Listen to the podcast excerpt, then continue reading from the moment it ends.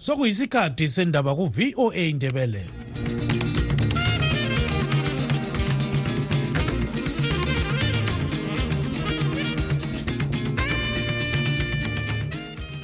lami ngithathe leli thuba ngibonga utanono kawande obesipha indaba ngolimi lwesishona. Lingalivuka njani izulu kandaba olamukela emsakazweni westudio 7 ngomvulo mhla ziku-5 nhlolanja 2024 nguchris gande. Endabeni zethu lamhlanje abalandeli bakamnumzana nelson chamisa sebeqalile ukubhodabhoda ngelizwe besazisa uzulu ngokusungulwa kwebandla elitsha elizakhokhelwa nguchamisa. Besilomhlangano-ke lapho besibize khona um abahlali bemanicalend ukubana sikhulumisane liyakwazi ukubana umongameli swachiya-ke ibandla le-triple c um thina sesifokasa kuyakha ibandla labantu bonke. Abeqhuku lebandla le-ccc elisekelwa umnumzana sengezo chabangu bathi ukhetho lwama-by-elections olwangempelasonto belunzima ngoba bebelwisana lezanu p f kunye labanye babo.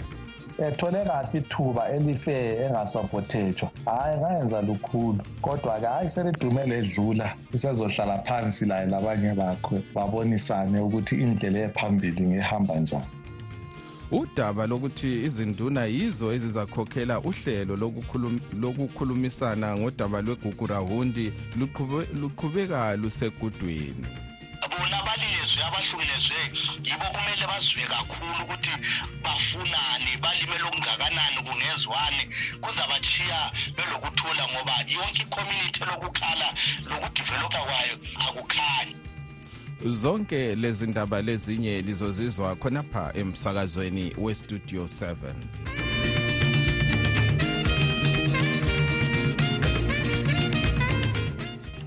abalandeli bakamnumzana nelson chamisa sebeqalile ukubhodabhoda ngelizwe besazisa uzulu ngokusungulwa kwebandla elitsha elizakhokhelwa nguchamisa.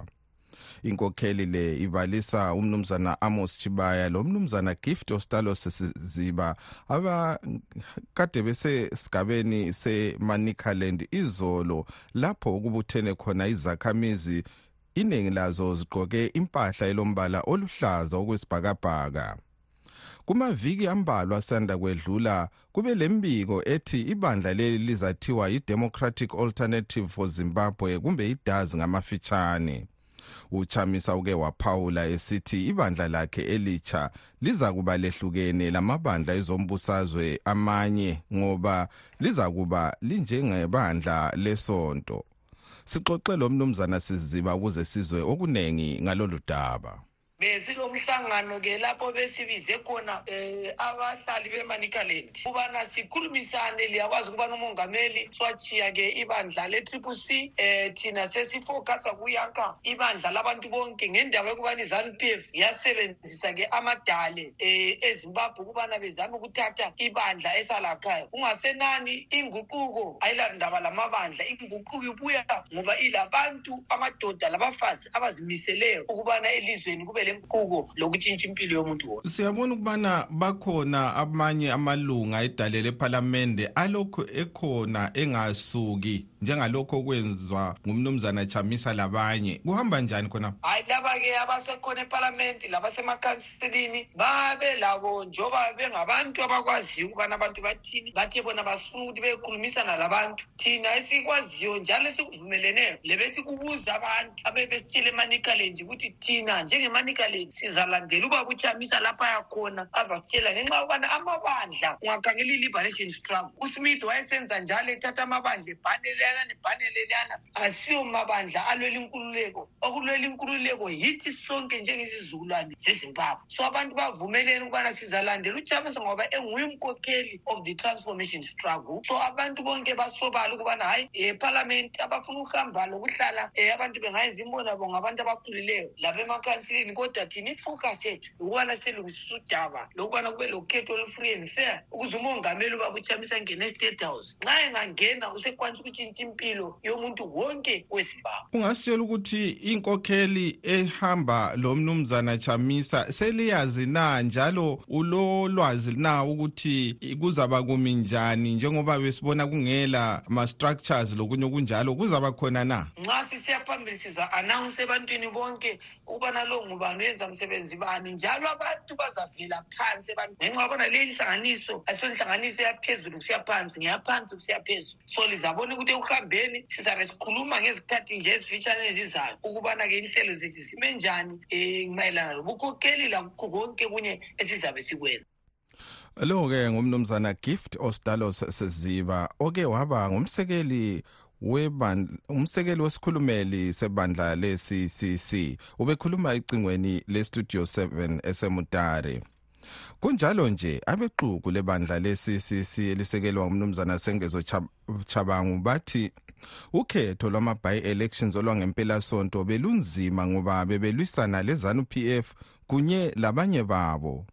Lokhu kulandela ukunqotshwa okwenziwe amalunga ebandla leli ezikhundleni zokudinga amalunga edale lephalamende eziyisithupha kunye lezamakhansili ezingamachumi aphose amabili.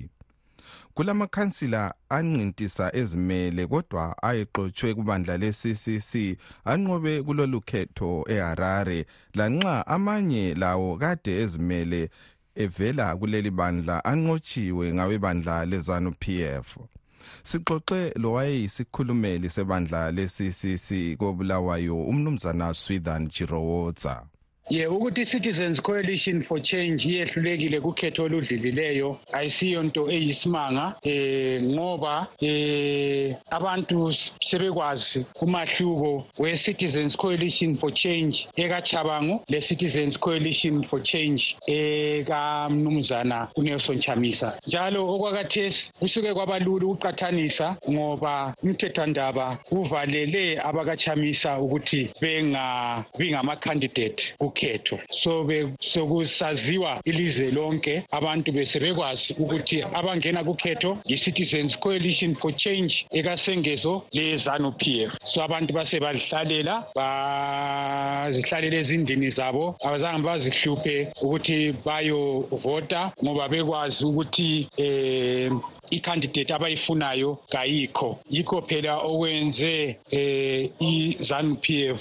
eh ithathe ama-seats amaningi khona kuyinto vele esatshela eh bona laba abahamba lochabango ukuthi izenzo zenu zizakwenza ukuthi i-ZANU PF ibe lama-seat amaningi lakanye yikho sokwenzakele ukuthi i-ZANU PF isile two thirds majority eparliament okuyinika amandla okuthi iguqule isekelo sombuso ye kodwa hathi khonokho kuphela amandla lawa asezasetshenziswa ukuthi kuguqule isekelo sombuso umnankagwa athole i-third term engekho kusekelo sombuso esikhona kathesi. So esingakutsho yikuthi kusengezo labahambi bakhe um sebeqhubele umnankagwa i-third term. Manje nxa sikhangela phambili kuyini okuzenziwa njengoba ibandla lezanu PF selithole izikhundla kumbe ama-seats yenza ukuthi benelise ukuguqula isekelo sombuso welizwe. Lithini nayo lokho? I-opposition yonke amabandla wonke aphikisayo eh eZimbabwe akusela lutho olungenziwa ukuthi kutshintshe inani yama-MP ezanu PF eParliament khonokho sokunikeza sokuza nikeza izanu PF amandla ukuthi baguqule isekelo sombuso benze santando. Njalo into elokhu ilihungahunga okwakathesi yikuthi umnankagwa ufuna i-third term. I-third term leyo isilula ngoba usengezo usenelise izanu ukuthi ithole leyo two thirds majority ekhona eparliament. Kuyabe sekusithi ukuthi labana ababehugwa i-faction kamnankagwa laba abalandeli bakamnankagwa ababeqanjelwa amanga ukuthi umnankagwa uzangena itheme eyodwa. Kutsho ukuthi bayabe bezazibona ubuthutha um nxa um umnankagwa engatshintsha um umthetho esenzela ukuthi athole leyo third term. Konke khonokho kuyimbangela kasengezo chabangu othi nxa ezondile kungangcono inyawo zakhe ziqamuke kungangcono eh aqhubele eh amasiti kuzanu PF ngenxa yokuzonda eh labo asebenza labo ku Citizens Coalition for Change. Eh ngesikhiwa sithi that's the current scenario prevailing? Yikho sokukhona eh njalo akusatshintshi lutho. Lo ke ngumnumzana Swithan Jirowotsa owayisikhulumeli sebandla le-CCC kobulawayo.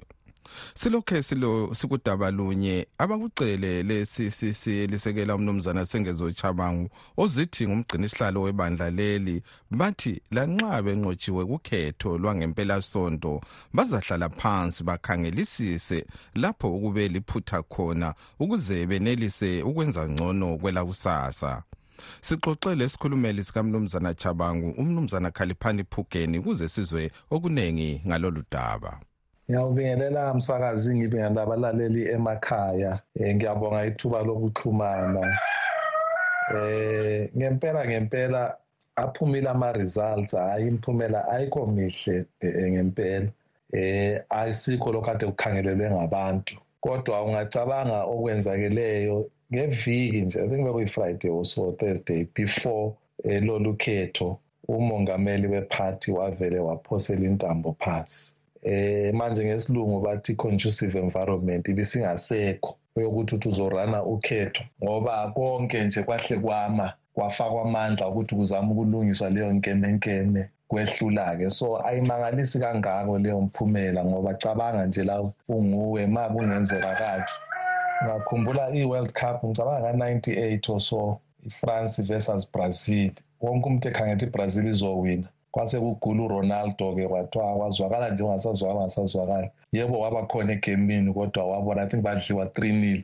Ngaleso sikhathi wayenguye ohamba phambili sibili so ma ulo president enza ngendlela enza ngakhona bekungela thuba vele. Abantu bathi impumela itshengisa ukuba umnumzana sengezo chabango kafunakali. Uthini wena ngalokho impumela itshengisa ukuthi ubaba usengezo chabango usabotajiwe eh usabotajiwe eh kanjani? Le i-action engikhuluma ngayo ifana nasakhula sadlala ibhora wawuthi ma ibhora lingelakho wawubuya le bhora lakho lapho ngalithi ibhora ma lingelakho bengakudlalisa kubi noma bakukhuphe noma bakukriticize wawuthatha ibhora lakho uhambe ngini? Yikho lapho kwenzakeleyo ukuthi eh kulabanye abathi hayi ngoba thina sesikhuziwe or sesithintwe kabi eh noma sesibuzwa imibuzo engekho comfortable so sengithatha ibhora yami sengihamba ngikhaya noma thatha ibhora ahlala ipontshise. Yikho kwenzakeleyo usabothejiwe ubaba uchabako. Ngabe ubephiwe ithuba njengabanye abaphiwa ithuba wathola imali wathola i-coverage wesabotajwe everywhere. Le media sabotajile angithi even khona la mali ikhuluma ngayo lithi ozit manje sure kungaba lula ukulandelwa ma abantu besithi ozit akukhatheke sehambe ekhoti izikhathi ezinganani ikhoti yehluleka ukuthi ithi haya wena wena u-s g wangempela. Kodwa usabotajwa yonke nje indawo. Usabotajwa internally usabotajwa imedia usabotajwa yibo bonke abantu. Um ungabheka i-result yemagwegwe um okwangena khona u-honorable nyathi ubone i-result eyangale empophoma okwangena khona u-honorable moyo yikho bona khona ukuthi ethole kahle ithuba elifair engasapothejwa hhayi ngayenza lukhulu. Kodwa-ke hhayi selidume ledlula usezohlala phansi laye labanye bakhe babonisane ukuthi indlela ephambili ngehamba njani. Lo-ke ngumnumzana khaliphani phugeni isikhulumeli sikamnumzana sengezo chabangu ozithi ngunobhala jikelele webandla le-ccc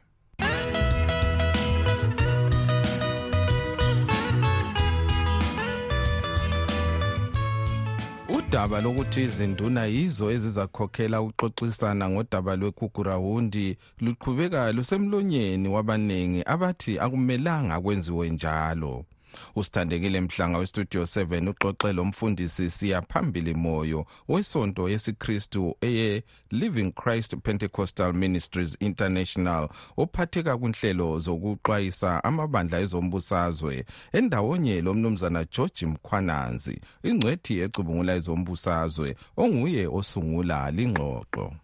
Isifiso sethu yikuthi lubanjwe ngendlela eqinisekileyo ezachiya abantu bekhululekile. Lazi izinduna um zikhangela abantu ezibakhokhelayo zizwe sobala kibo ukuthi bona bafunani. Bona abalilezwe abahlukelezweyo yibo kumele bazwe kakhulu ukuthi bafunani balimele okungakanani kungezwani.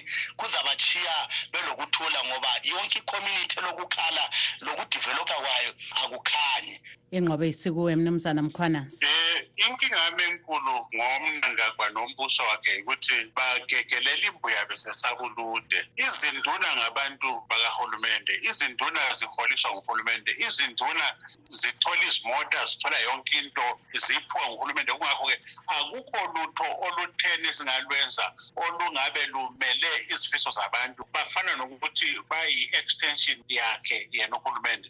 Bekumele uhulumende mayefuna le nto ilungiseke ixazuleke ngokuqotho bona laba kade bevele bekhuluma ngeground kwasekuqaleni bevele bevutha umlilo befuna ilungiswe kube yibo asebenza nabo noma engavumelani nabo. Indaba yeground yaphakanyiswa yimbovane iyayiqala phansi yakhuluma ngayo kwazongena abanye abalandelayo nanamhlanje khona obhejuli kazulu nabanye. Yibo abantu abanesisombululo esingelakuthengisa phakathi futhi esingadingi ukugcwaliswa kwezisu ngokudla. Yibo abazokwenza ukuthi kuphume into ezokwelapha isizwe. Yebo bona bangaba yivoti baphuwa iqhazanyana elincane kodwa hhayi ukuthi kungathiwa yonke into ingabekwa emahlombe abo. Angikuvumi mina lokho. Uyavumelana lo mnumzana mkhwanansi? Mnumzana moya um njengoba ngishilo ukuthi izinduna lazo njengoba zivele zikhokhelela abantu abantu kuyibo abakhala kakhulu abalimele ngabantu yibo kumele ukuthi bona batsho esibili and bakutsho bekhululekile bangayesabi.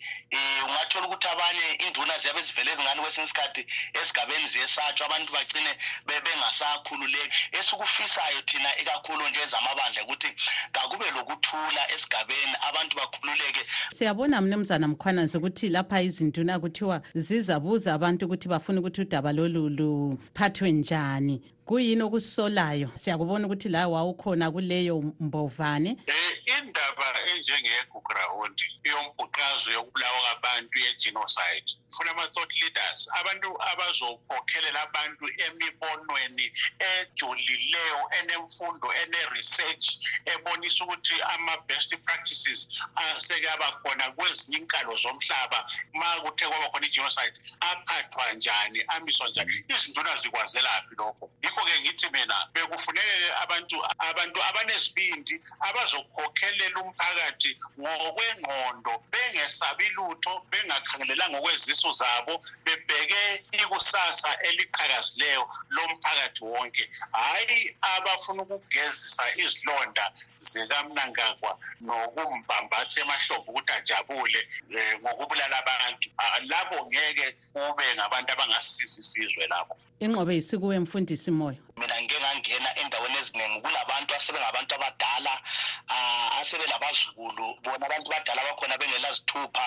Kukhangelwe konke khona lokhu ngoba abanye behlulekile lokuya ezikolo ngenxa yokuthi abazali babo babevele bengela zona incwadi zokuzalwa.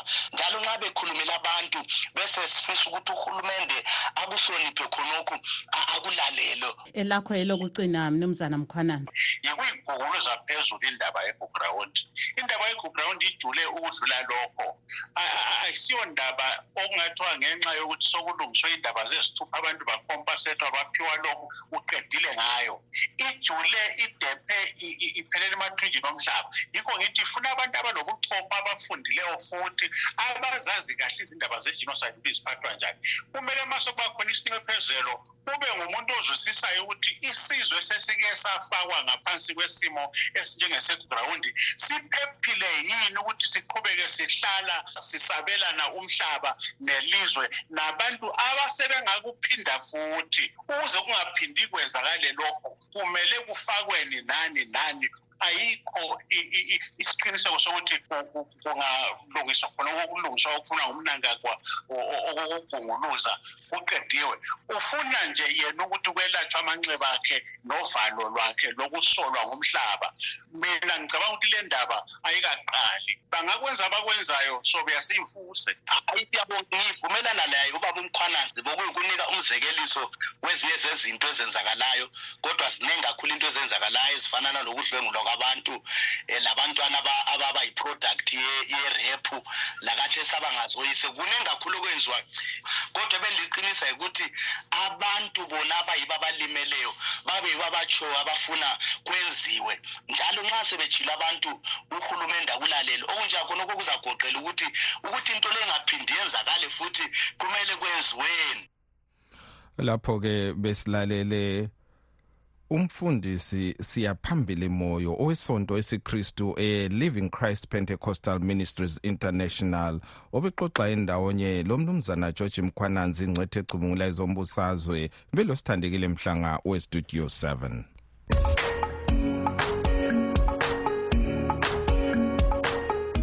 okwamanje ke sizwe imbono yenu elisithumele nge-WhatsApp. Seven livuka njani sinangapha siyavuka ezimbabwe but zivuka ziphezu kwendlala kanti nje sicelo ukuthi ngicela ukuthi uchabango lowo labo abantu hamba bengena door to door bekhombisa abantu ukuthi bebavotele kabafike lapha egonda la siwabonise. Chabango njengo uchabango lo esandla ngathi ingwegwe lo kabuye lapha enze imihlangano yakhe fike ngapha egonda la. Uzagijima phambili kwemota nayoyipoyezana le. Simomele ikakhulu ngimomele futhi ngiyafuna ukumbona kuhle kuhle uchabango ukuthi walobusa abantu ayiketane ebutheleleyo bafike lapha egonda la bebona imhlolo ngazayibona siyabonga studio seven. Lingabe livuka njani lonke balandeli bestudio seven sithwele nzima six months usebenza kuhulumeni lungaholi. Phambili luchamisa phansi lawo lokuchaba ngwangikhona lo. Alo studio seven injani lonke balaleli abathandekayo? Ngithanda ukuphosela ngaleli gama ukuthi njengoba ubaba ujob scala esephumile entolongweni ngina ngibona liyana yindoda. Ubaba ufanele ukuthatha isikhundla esokuba umkhokheli kwele zimbabwe asimxhaseni lwana umuntu. Uchamise ngomunye umuntu bezathatha lwana umuntu emsondeze eduzane emenze benguyokhokhelayo bengumsekeli wakhe. Bembobela izaqina okumangalisayo. Shuwa ngiyacela ngani laba abantu bengakhulumisana usikhala utshengisile ukuba liqhawe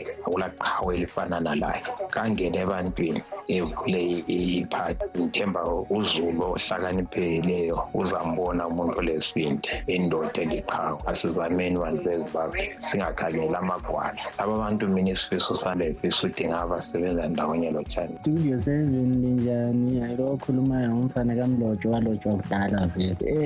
Um kwistudio seven ma lingabe mhlawumbe liyakukhona ukuhlangana lwalubaba othiwa ngujoseph angicela ke limkhuze mkhuze kakhulu limkhuze serious futhi ke ama ukudlalela bethu asitshela ngezami yabo. Izami yabo leyo namanje selokhe ngikhona khona uzokwenzani? Uzofaka uzofaka amadamu behluleka behluleka labo. Kahambe ekhampeni khona lesishoneni le khwekhwe le khona le harare yabo le. Hlukani labantu bakubulawayo. Serious mina ngakhona bathi ekhampeni watshela abantu ukuthi ugesi awusahluphi into zonke seziright. Kuyini okwenzekayo manje? Still yizami yabo. Khona manje kuthiwa izimbabwe ihamba phambili nge-corruption. Yizami yabo yona le futhi. Hhayi ndizimbabwe yizami yabo yona le ihamba phambili nge-corruption. Bangazosidinga lo joseph nyana wabo lo. Studio seven studio seven. Njani? Sakazi kwamabahle um nezindaba esiphakela zona imihla namalanga ezimnandi hayi siyabonga kakhulu studio seven. Esizwile ukuthi umnankago usigilanela khona ukuthi asivale imlomo singaphindi sikhulume ngalo daba lwegugurawundi sifuna ukuthi akwazi khona lokho ukuthi angeke siyekele ukukhuluma ngodaba lwegugurawundi siyaqhubeka sikhuluma ngalo. Noma engaze afake isigwebo esingakanani noma engaze awisa isigwebo sentambo ukuthi singakhuluma uyosinikeza isigwebo sentambo. Akakwenze lokhu ngoba vele thina abanye sasinda phakathi kwengiga um yona le fifty brigade yakhe isigiga sibancane singabantwana esifake engigeni ukuthi abazali bethu basigige sasinda phakathi kwemgigo nengiga phakathi. So akusisabisi ukuthi akuyasinquma amakhanda sesibadala singaka. Siyaqhubeka sikhuluma ngayo iguground ngiyabonga studio seven danke studio seven studio seven sanibonani basakazi bami abahle onibingelelayo kunguqhubekani usigabadi mfokavuza. Isendaweni yasegoli laphana ekhaya echolotsho ngaphansi kanduna uchakawa. Um ayi kubuhlungu bantu bakithi lokhu okwenzeka kwelakithi. Um kuzwisa ubuhlungu kakhulukazi ukuzwa abantu abafana nabomalakhi nkomo obaba abadala impela bakhuluma sengathi yonke into i-right. Kodwa bezwa behoqa ukuthi um basindwa ngamafutha um bebe ney'ngane ezingafundi ezigcwele izwe lonke um kodwa bebekhuluma bethi hhayi into sonke esihamba kahle ku-zanup f. Kubuhlungu kakhulu lokhu angazi bantu bakithi ukuthi siyophephelaphi angazi impela ukuthi siyophephelaphi. Kungani kanti abantu bengakuboni ukuthi um kusingakudedelwayo amandla la kabawabolekani abantu bakithi? Siyolalwa i-zanup f kuze kube nini kuze kube nini bantu bakithi ngiyabonga studio seven sengathi ngaqhubeka njalo isidlulisela um lezi ndaba ezimnandi. Siyabonga. Studio seven linjani basakazi nabalaleli igama kelvin lotshwa isevokola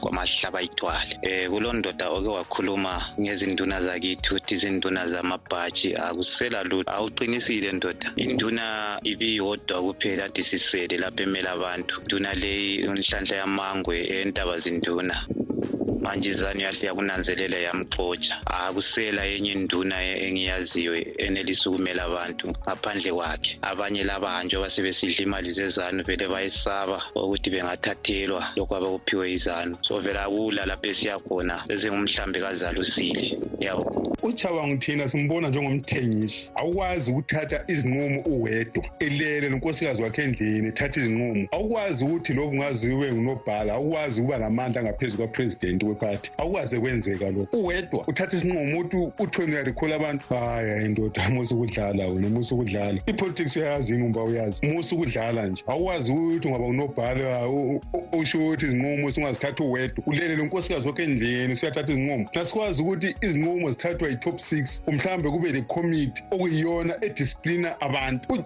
Uchaba ngalibana wefuna ukwakha yena yena njengoba ezibiza ngolokhuze ngonobhala jikelele. Kofanele ukuthi ehlale phansi um le top six ye-triple c. Yemadodalana kwenzeka iphutha la one two three four five. Senze njani? Um iqale lapho iy'nkulumo hhayi ukuthi le hayi ukuthi lele yedwa ngaleyene besiyavuka etheni rikhola abantu. Hhayi hayi ndoda awukahle wena. Hhayi la ngumthengisi wena. Studio seven ku-studio seven lingabe livuka njani? Bonga umsebenzi eliwenzayo. Basakazi siyabonga. Sibonga kakhulu ngomsebenzi eliwenzayo. Alibani unkulunkulu angalinika lisiya phambili. Siyabonga ukuzwa izindaba ze-studio seven. Hhayi nanku umlayezo wami ngifisa ukuthi laba bebhinga laba abebhinga laba abatshiyane la indunabo le abayiyekeli njalo ngoba ayisisoze ibancede ngalutho. Bona ibabahluphekayo abahambe beyevota votela lapho ofuna khona. Umuntu wonke ukhululekile ukuthi avotele lapho afuna khona. Abanjwa ngamandla. Kanti yena ubamba abantu ngamandla ufuna ukuthi kwenziwe nje ayisikho lokhu ukubusa abantu ukuthi usuwabusa ukuthi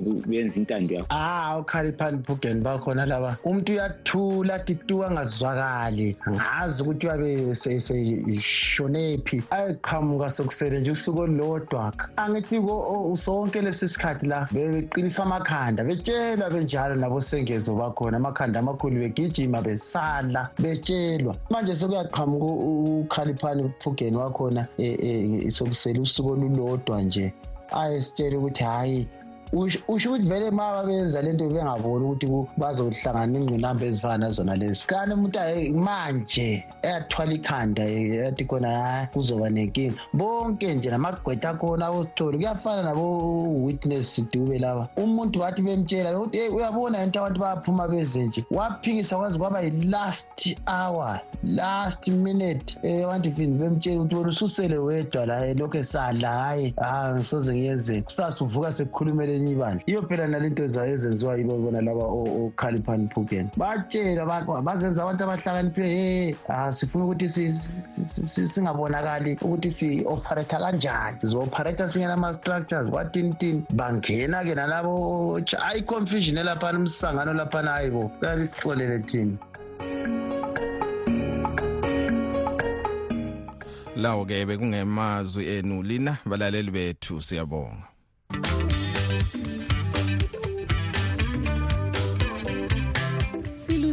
akusizi ukulazisa ukubana sesizakuma uhlelo lwethu lwendaba zekuseni kusukisela ngenyanga ezayo ekanhlolanja olokugcina uhlelo lusakazwa mhla ka-9 hlolanja kodwa lingalahli ithemba ngoba konke elikade likulalela ekuseni likukhwabitha kuzabe lokhu ekumunyethwe kuhlelo lwezindaba zantambama ngo-half past 7 nsuku zonke.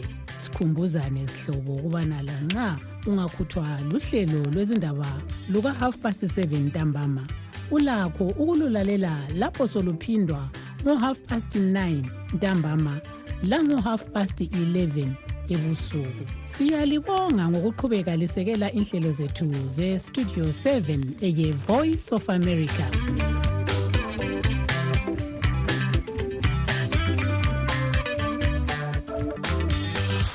Hayi siyabonga abalaleli isikhathi du.